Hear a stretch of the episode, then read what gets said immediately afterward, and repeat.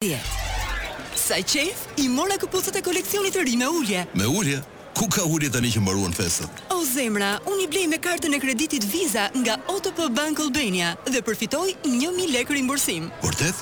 Po unë pse s'kam? Po shko nesër te OTP-ja dhe apliko. Pastaj mjafton të bësh një blerje të paktën pesë mijë lekë. Dhe voilà! Madje nëse merr dhe online banking dhe kryen një veprim, fiton jo një mijë, po një mijë e pesëqind lekë! Otp Bank Albania, Ti ke lindur për gjëra të mëdha. Power FM.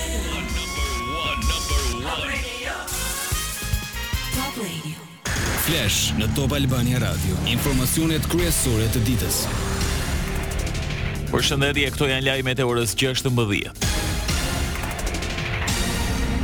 Vetëm 25 ditë pasi u fejua një 18 vjeçare nga një fshat i Lushnjës i dha fund jetës duke pirë fostoksin, dyshohet se shkak janë bërë konfliktet e vazhdueshme me bashkëshortin 24 vjeç, i cili është vënë nën hetim. Ata kishin 2 vite që ishin njohur përmes rrjeteve sociale.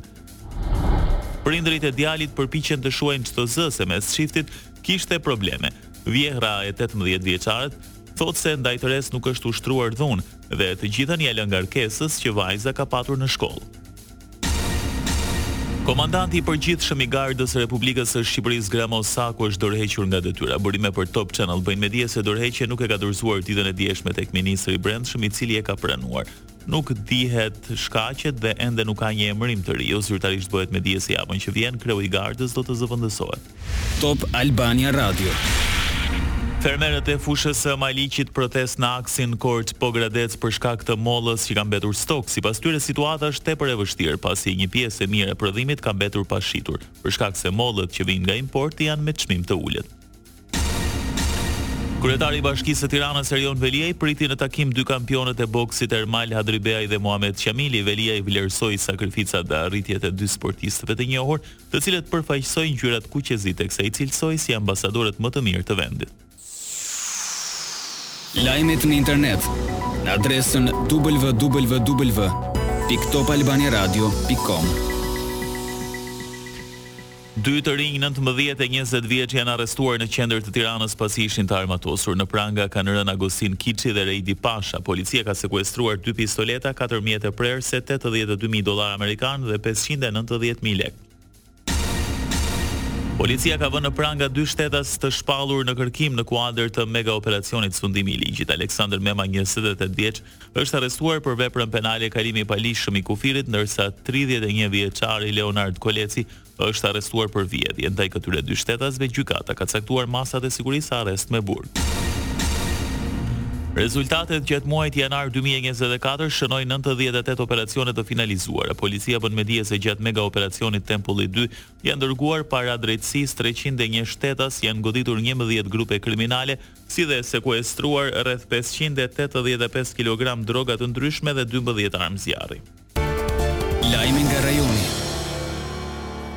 Komisioni Europian i propozon Këshillit të BE-së të ndryshojë kornizën e bisedimeve me Serbinë, duke kushtëzuar anëtarësimin e saj në bllok me zbatimin e marrëveshjeve që ka arritur deri më tani me Kosovën. Propozimi u dorëzua të premten. Kryeministrja Ana Brnabic më herët ka deklaruar se Serbia nuk do t'i zbatonte të gjitha marrëveshjet për të cilat u pajtua me Kosovën.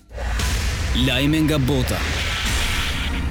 Ushtria amerikane nisi sulmet ajrore në Siri dhe Irak mbrëmjen e djeshme duke goditur më shumë se tetëdhjetë e pesë objektiva të Gardës Revolucionare Iraniane. U goditën qendrat e komandës dhe kontrollit, depot e raketave dhe dronëve.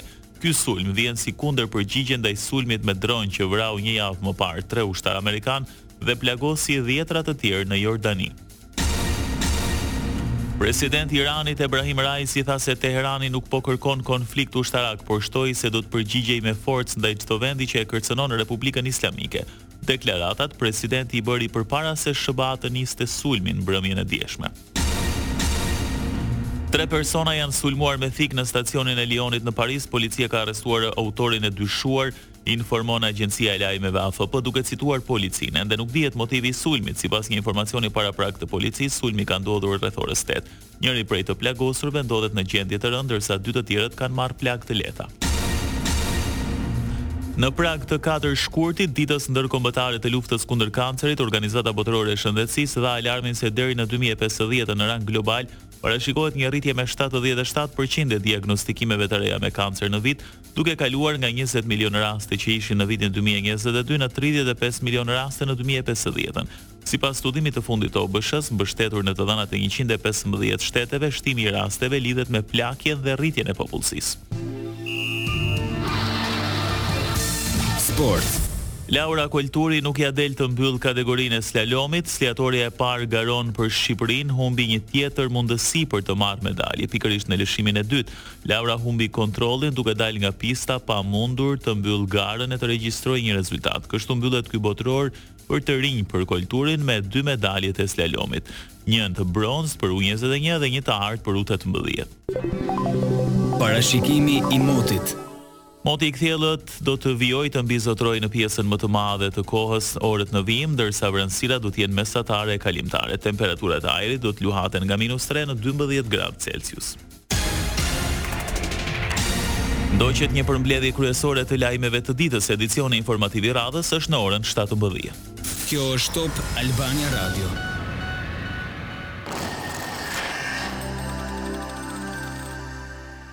Kampionët janë gjithmonë krah njëri-tjetrit. E majta vrastare shon në tapetin e